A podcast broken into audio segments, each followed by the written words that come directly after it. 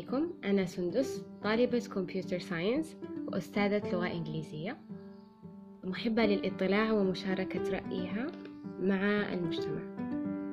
معاكم نوال أم لأربعة أبناء. محبة للحياة بكل معانيها.